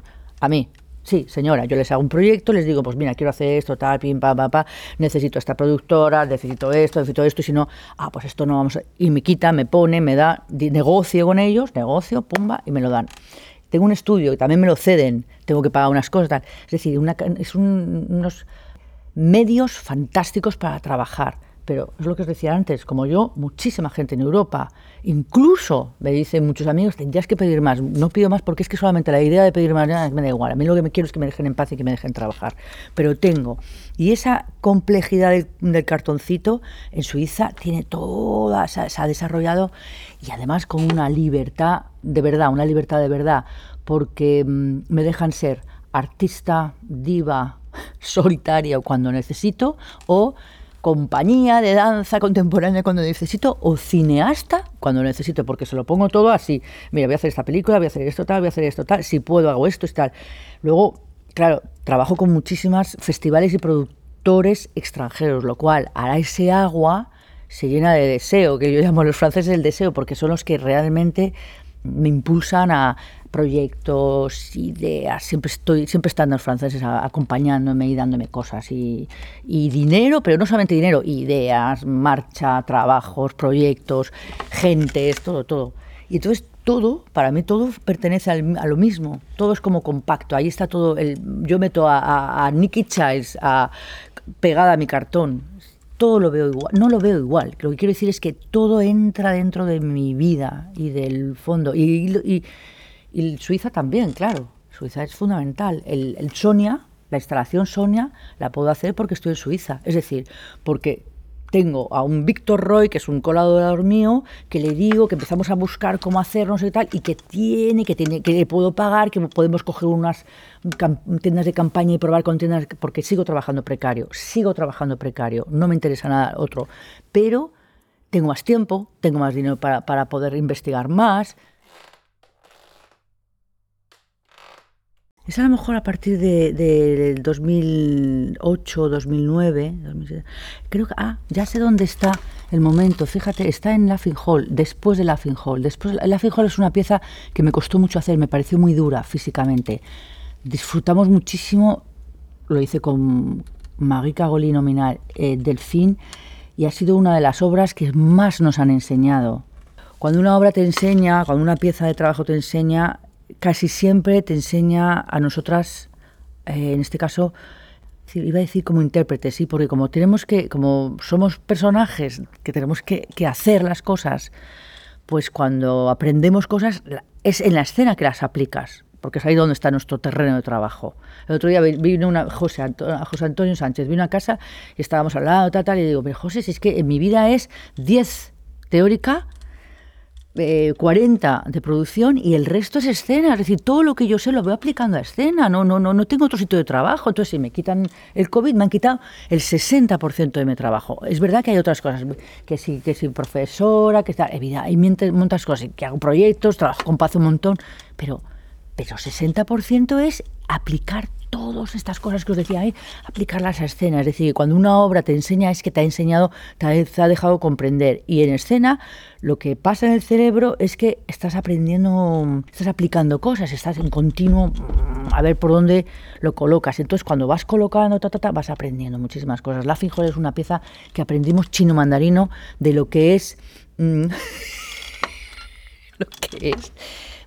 La, lo que es estar eh, defendiendo una idea con el cuerpo, pero literal, es como, pero joder, porque nos dimos cuenta porque son seis horas riéndote, entonces era como, y con una cosa muy mínima, que es enseñar un cartel, y aguanta, entonces bueno, hay mucha, hay mucha pauta de cómo hacerlo y tal, tal, pero sobre todo es un descubrimiento para las tres de cómo hacerlo. Eso es lo que hicimos durante diez años, sigue, sigue, seguimos actuando, pero no las tres, ya lo, hemos, ya lo he pasado a otras porque ya no podíamos más, estábamos agotadas de, incluso problemas físicos, ¿sabes? De, de, reírte tanto, a mí me explotó una hernia, es decir, que, la cosa tiene su, su horror. Como dijo Maggie Caolín, yo después de esto me voy a hacer unos cuantos botox y ya paro de hacer la fijol porque no quiero para nada quedarme hecho una vieja. Y nos reíamos, porque tienes razón. Dijo, mira, te haces un hall y te quitas tres años de carrera. Entonces yo le dije, eh, Magui, siempre pensando en tonterías. y nada. pero bueno, independientemente de las risas, es verdad que aprendimos mucho porque la Fijol toca, toca toda la parte física fuerte de la danza y de comprender que estás poniendo el brazo aquí, que se le estás tocando la pierna a alguien y que tienes que sujetarte y que no puedes apoyarle. Es decir, muchísimas cosas fantásticas de la danza y toda la abstracción de la danza que te permite ver el cuerpo como, como, una, como una forma que haces, aunque sea así, es una forma, es decir, y que, no, que no tiene que tener narración. Toda la parte teatral de que cuando tú estás riéndote delante de alguien, eres y significas mujer, ojos azules, ojos negros, significas todo eso. Y ahí están pasando cosas. Y eso es puro, me puro, puro, puro teatro, que está narrando, porque es que está pasando cosas y estás con un cartelito y toda la parte más performativa, toda esa leyenda del aquí ahora. Tienes que estar aquí ahora. No hay representación de nada. O sea, esto que te digo el teatro, sí, pero es que es ahora. No es que estoy haciendo de, ni. No, no, no. Es aquí y ahora y lo defiendes. Y si no lo haces, no te sale. Entonces, esas tres cosas son continuas durante seis horas. Bueno, claro, terminamos como, como, como, como, como zorros, así, no puedo, llenas de moratones y todo, porque es una auténtica burrada. Pero tienes el, tienes el cerebro en el pequeño meñique, en el pelo está el cerebro, en la rodilla en todo. Es una cosa maravillosa. Te, concentras, te concentras, te concentras, y al cabo de tres horas estás, pero como echando fuego, o sea, el cerebro, los ojos todo está echando fuego porque estás totalmente concentrada. De hecho, ya no nos queremos ni ir porque no quieres irte porque pierdes concentración y pierdes risa. Todo esto, riéndote, ja, ja, ja, ja, ja.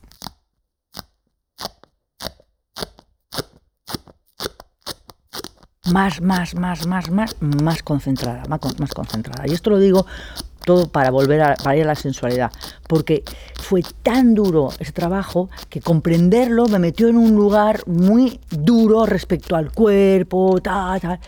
Y ahí cambié y dije, voy a intentar otras cosas, un poquito más sensuales. Pero creo que fue ahí.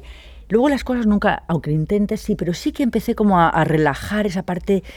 Mm, bueno, yo estaba muy, muy, sigo, porque me interesa, es un tema que me interesa muchísimo, que es el tema del, cuerpo y el sacrificio, ¿no? El cuerpo y el sacrificio. El otro día leía que en nuestra cultura, se da tanta importancia a las palabras y tanta importancia al lenguaje que es que el cuerpo se nos olvida y es lo último, cuando el cuerpo, para mí y para, para, y para la contemporaneidad, es lo más importante. Mira lo que pasa con el COVID. Entonces, yo en la Tate, por ejemplo, me todos los ingleses cuando me ponían los, los, el aire acondicionado y yo me pelaba. Yo digo, pero estoy en pelotas tres horas, que pues estás bailando. Digo, ya, pero, pero no puedo tener un aire acondicionado.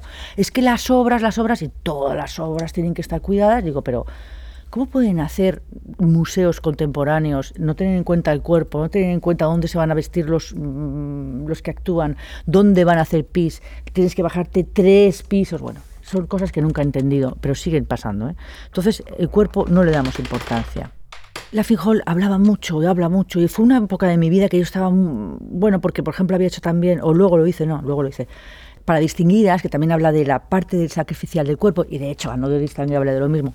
Hay una cosa con el cuerpo y el sacrificio del cuerpo que me interesa y que trabajo mucho y que toco mucho, pero en Laughing Hall se tocó de una forma muy, muy, muy dura, aunque lo entendimos y entonces lo, lo hicimos nuestro y aprendimos mucho pero era muy, muy duro. Y entonces ahí me calmé y dije, uff, esto ya está así, no quería seguir por ahí, me parecía demasiado duro. Entonces empecé a hacer un trabajo más, eh, que, más, más suave y empecé a hacer mariachi, conocí a Matilde Moni, hicimos Gustavia y me acuerdo con, con Gustavia le decía, Matilde, hay que sexualizar, hay que sexualizarnos y sexualizar el cuerpo, porque si no me veía como esta parte dura del, del, pensamiento contemporáneo de, y como austero y que me parecía que yo quería cambiar un poco ahí, ¿no? Hacerlo. Entonces empecé un trabajo más dinámico respecto a eso y más light también respecto a eso, que luego no es verdad, porque luego inmediatamente vuelve a aparecer todo eso en, en Para Distinguidas, que es posterior, que es del 2011, vuelve a aparecer el cuerpo sacrificado con las, las sillas de Ruth, es decir, que no lo abandono nunca, porque es parte de la, de la tortura de, de la humanidad, ese cuerpo ese cuerpo subyugado al poder, subyugado al, a la religión, por ejemplo, subyugado a la norma, subyugado a otras, ¿sabes? O utilizado como arma, o utilizado, estas cosas, bueno, hablo, ¿sabéis de lo que hablo, no? Pues no sé, mujeres violadas, esa, esa, esa, forma de relacionarnos con el cuerpo que en realidad solo nos interesa para hacer, para, para, para que sea la, la, el lugar del dolor, el lugar de la humillación, el lugar del tal. Y la parte del placer, que podría ser la otra buena del cuerpo, esa nos cuesta mucho. Entonces me dediqué a esa. En realidad decidí que el cuerpo iba a ser más, no solo para contar esa parte más dura, sino la más placentera. Y entonces empecé a hacer trabajos que, que hablaban más de eso, de la sensualidad. Y quizás el que más consigo darle como forma de verdad que se ve es Another Distingue y Happy Island, ¿no? que son Another Distingue es la quinta serie de piezas distinguidas y hay ocho piezas y es la pieza donde está Sonia, fíjate que le di el nombre de Sonia a esa instalación que está en el medio y que no deja, el espectador tiene que ir deambulando con nosotros tres, que somos tres, Tami, Juan y yo, y entonces tiene que ir con nosotros y casi está siempre en la oscuridad. Entonces esa masa en el medio da miedo, es misteriosa y empieza la ficción, es decir, también al, caer en el cuerpo más eh, sensual entra inmediatamente la ficción también. Y me he permitido ir hacia cosas más eh, de la mente, de la ficción y de cosas más, sí, de la mente y la ficción está bien, sin llegar a ser... Eh, sin llegar a caer en la parte más onírica y fantasiosa, pero no, no, no, porque no me interesa, pero sobre todo le he dejado a la mente y eso hace que las cosas sean más sensuales.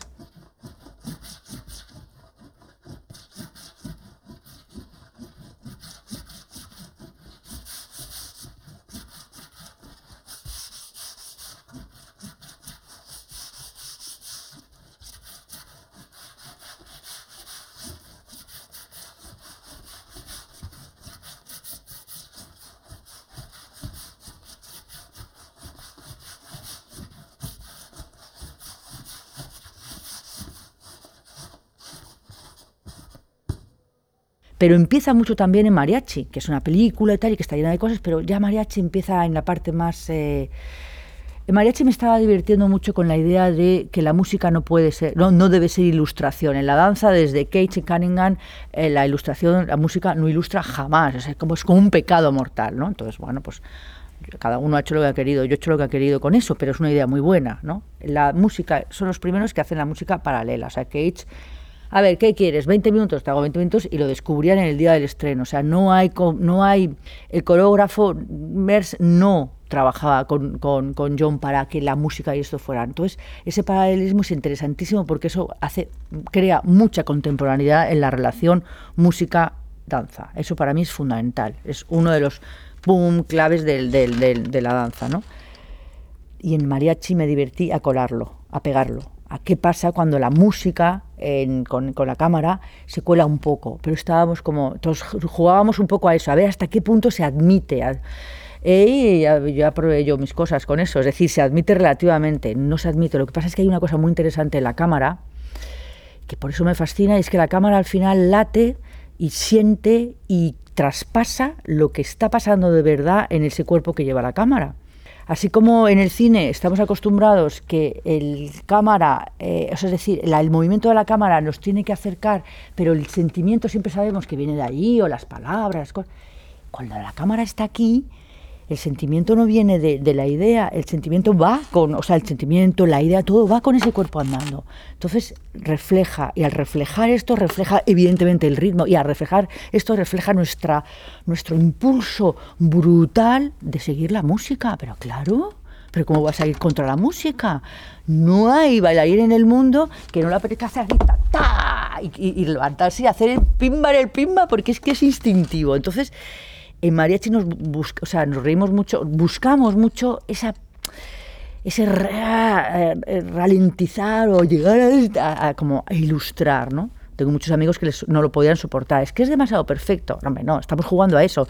Es todo precario, es todo tirándonos por los suelos, tal, tal. Pero con la música es como, boom, boom, va como afinando. Entonces, bueno, a mí me parece muy bien, evidentemente, pero, pero sobre todo porque va como rayando hasta el límite de la no posibilidad, sobre todo por un, digamos, por una idea de lo que la música y la danza tienen que hacer. Bueno, estoy picando ahí un poco, ¿no? Claro, me sujetó mucho para poder picar en todo eso a, todo lo que pasa alrededor, de los colores y tal. Y eso es lo que hace también que sea más sensual porque vas con la música y además vas viendo color, tal, tal. Entonces, por muy precario que sea los otros, ves las cintas, ves las cosas, es un poco cutre, tal. Pero no, la, la parte de la ilustración a la música, eso sí que le da sensualidad. Pero es más ya, yo creo, mucho más acentuada ya, mucho, mucho ya más directa con Happy Island.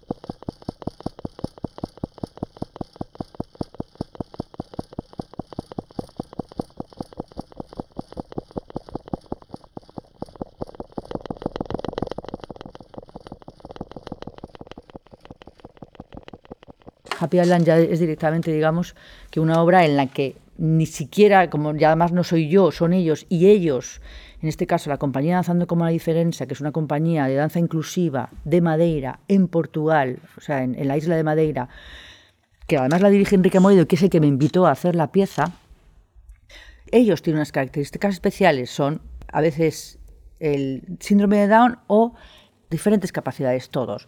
Y yo trabajé con cuatro síndrome de Down y María, que está en una silla de ruedas. Y entonces, lo primero que me di cuenta es que cuando Telmo Ferreira, que es el ayudante de Enrique Amoedo, que es el director, les da las clases, porque las clases las dan dos horas al día, todos los días, a un enorme grupo de, de gente interesada en la danza inclusiva en Funchal. Y estas clases, que duran dos horas, que es mucho, son inclusivas por sí mismas ya. Es decir, aparece quien quiera, gratis y quien quiera. Pero eso, pero hay un núcleo que es la compañía, lo que ellos llaman la compañía, que puede ser un núcleo muy grande, porque yo a veces le digo, ¿dónde está la compañía? Y a veces me dice, son 25, otras veces me dice, son 300. Ah, vale, vale. O sea, que veo que allí varía, es muy, muy, muy amplio, muy, muy bonito, eso es muy... Y entonces esas clases de, de que daba Termo yo las iba a ver todos los días porque me interesaba mucho cómo él se dirige a, ellos y qué clases da para ver qué pasa ahí, cómo puedo yo acceder a ellos, porque yo tenía que acceder a ellos para hacer esta pieza. ¿no? Y claro, hay muchísima sensualidad. Es lo primero, es que no puedes eh, no trabajar sin eso. Por el cuerpo, por los tactos, por las miradas, es donde empieza todas sus relaciones y sus comunicaciones. Entonces eso fue fundamental, por ejemplo, entender eso. Entonces, claro, la pieza está basada en todo ese aprendizaje que hice yo mirando cómo Telmo les dirige, les dice tal, tal, y todo es a base de, de, signos y de cosas, bueno, de voz, evidentemente, de músicas magníficas que les animan, les necesitan mucha música para que se les llene el alma de gracia. Los intérpretes que yo tuve son gente muy emotiva, y entraron a saco en las emociones suyas y a mí me interesó mucho todo el tema de la sexualidad, que es muy tabú y que era un tema muy complicado.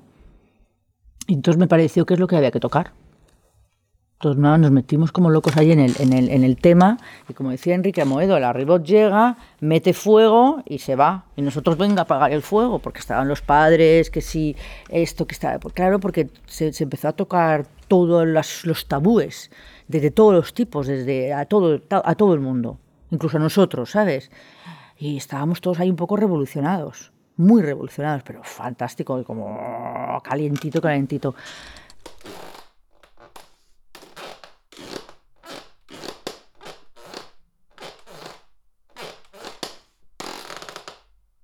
Pues, por ejemplo, Esther, Ferrer, es verdad que Esther, Ferrer además nos une mucho, mucha gente, bueno, también a lo mejor por españolas, por diferencia de edad, pero o porque o porque hubo un momento que yo hice una pieza que era la de las medidas, que todo el mundo me unió a Esther y, nos unían. Yo creo que mm, tenemos muchas cosas en común que son algunos, muchos objetos, que son objetos cotidianos absurdos que sirven para medir, que siempre nos han gustado las dos desde metros a relojes, a mm, medidas, cuentas, números, muchas cosas sí hay parecidas, incluso luego ya como un poco más bobos, tipo ventiladores, que no sé qué puede medir un ventilador, pero bueno, son los mismos objetos. O sea, evidentemente las sillas. O sea, que ahí nos unen muchas cosas. Nos une mucho también el, espíritu Cage de, de, Esther, que yo, por supuesto, lo tengo mucho más lejano porque soy más joven y porque yo no he estado con Cage, pero ella, ella sí, y yo lo veo con más, más mm, distancia. Pero yo creo que profundamente Esther no tiene la parte que tengo yo que es de la farándula y la parte del, del cabaret que no tengo, pero que sí que, o sea, que es decir que mi, mi, mi, mi sí, yo sigo siendo de escénicas y ella sigue siendo de visuales. En el fondo del corazón y del alma de nosotras cuando nos hablamos, nuestra discusión casi siempre es en esa diferencia. Porque Esther me ve muy folclórica, y pero le divierte muchísimo y le encanta, además es súper fan y tal. Y yo la veo muy, muy, visual, muy, muy como, como keichana. Y a veces le digo, bueno, Esther, pues, pues, pues, pues no seas tan rigurosa, ¿sabes? Ponle la lentejuela, que no es que... Y entonces, bueno, ahí, ahí tenemos... pero este jamás podría poner una lentejuela. ¿Pero qué dices? Por ejemplo, Carles Santos, que es de la, era de, la misma edad que Esther, de la misma generación, tiene otro punto más mm, mediterráneo, mm, catalán, y bueno, él también estuvo con Cage, ahora que me acuerdo, él también estuvo con Cage y con tal, pero él coge la parte más teórica y conceptual, pero y luego se deja llevar por su folclore vital, ¿no? Entonces, por ejemplo, Esther no lo podría hacer, o no lo ha hecho nunca. Bueno, lo podría hacer, sí, pero no lo ha hecho. Y ahí nos diferenciamos mucho, Esther y yo. Pero bueno, yo casi, casi cuando voy a París casi siempre la llamo. Luego, por ejemplo, Brosa, Brosa, hay una historia con Brosa maravillosa. Bueno, Brosa me parece, eh, fue un descubrimiento tardío, es decir, yo conocí a Brosa muy tarde. Cuando aquí lo conocíais todos era muy conocido, yo no lo conocí, yo lo conocí porque me fui a Glasgow a actuar que estaba actuando, eh, Andrés Corchero estaba haciendo un poema de Feliu Formosa. Entonces estaba Oscar Tara y yo estaba invitada con striptease. Y cuando Feliu me vio, me dijo, pero tú tendrás que, ese striptease es de Brosa. Y yo ¿pero quién es Brosa? me dice, pero, Brosa es este tío tal, esto el año 90 o algo así, ¿no? Em, este, este tío tal, tal, me lo, me lo contó, o sea, me lo presentó, me empecé a, leer y a, a buscar y tal, y me encantó. Entonces yo toda tal, eh, bueno, yo mantuve, mantuve mi striptease y le contacté. Es que esto, esto os lo cuento, pero lo tengo en el fondo de mi cerebro. Yo creo que es verdad, pero puedo pensar que lo he soñado, porque es tan irreal que pienso, ¿pero hiciste eso? Pues creo que sí, creo que le escribí y le dije yo que le quería conocerle y que era un artista de Madrid, tal, tal, y que quería conocerle y quería venir a verle. Me mandó a la mierda, creo, me mandó a la porra, no me hizo ni caso. Entonces yo me quedé un poco cortada y yo creo que mi inconsciencia para salvarme y para que no me doliera lo ha debido de meter al fondo y creo que es un sueño, pero creo que no es un sueño. Entonces, con paz, vinimos aquí, Simona Levin me invita con las más distinguidas y entonces yo no recuerdo cómo había contactado a Pepa, su mujer, y vino a ver, entonces la invité, vente, vente a ver, pero yo porque yo ya como era como amiga, pues no sé de quién era, yo qué sé, yo no me acuerdo ya cómo pasan las cosas, pero bueno, Pepa vino tal, y al final me dice, pero bueno, pero es que, pero tú no has conocido a mi marido, entonces yo, claro, no le dije, pues que tu marido me manda la mierda.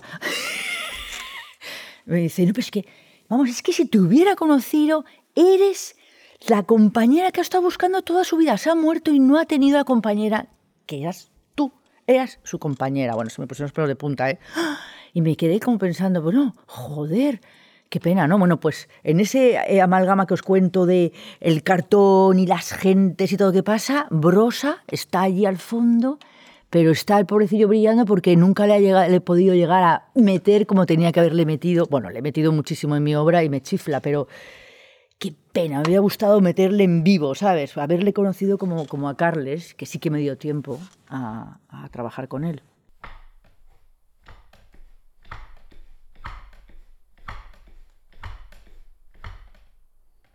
Otro artista mm, que me gustó mucho en una época, sobre todo muy, muy jovencita y que está liado a lo de la gitana y todo esto que quiero ser gitana, es eh, Manolo Millares. Manolo Millares es un pintor canario que mi padre era un, gran admirador de todos esos pintores tiene algunas obras de ellos, de todos los pintores del Paso, de, del Paso en Madrid. Y Manuel Millares era un amigo suyo. Y yo me acuerdo que fui muy pequeña a, la galería a ver sus cuadros y me marcó profundamente, me marcó profundamente como me marcó la idea de la gitana. Es decir, esos cuadros con arpillera clavadas, durísimos y muy, muy violentos, entre esos negros expandidos así, los rojos, y veo, veo mucho que, que, que, tuvo mucho impacto en mí, en mí, en mí, de poder, que se podía pintar así, vamos, que la pintura también podía ser eso, ¿no? Era como, meter un cubo que metía y un palo, aquello me parecía fantástico y sí me gustó mucho. Luego el Prado, el Prado es un sitio maravilloso que cada vez voy más, de hecho el otro día fui otra vez, cada vez voy más, cada vez voy más. Por ejemplo, las pinturas negras de Goya, como imagino que como cualquier niño pequeño, te dejan loca, ¿no? A mí me dejaban loca, pero loca de miedo de muchísimo tiempo, pero sí que me acuerdo, claro, te acuerdas muchísimo. Entonces, bueno, hay muchas cosas de impactos así.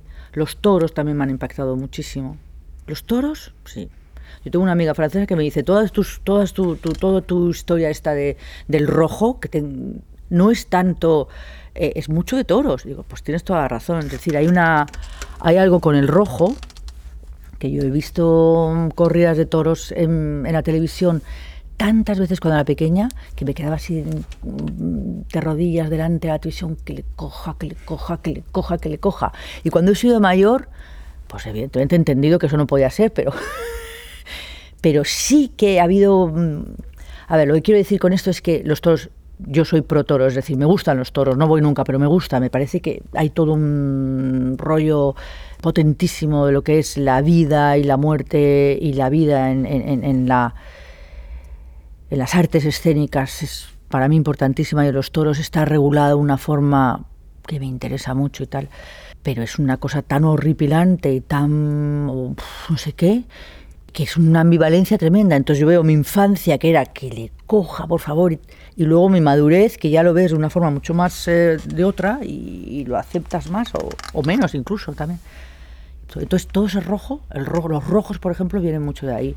evidentemente también hay una parte feminista de la sangre y otra parte de la, evidentemente de la violencia y de las carnes y de la... Pero mucho también viene del toro, del toro de los toros.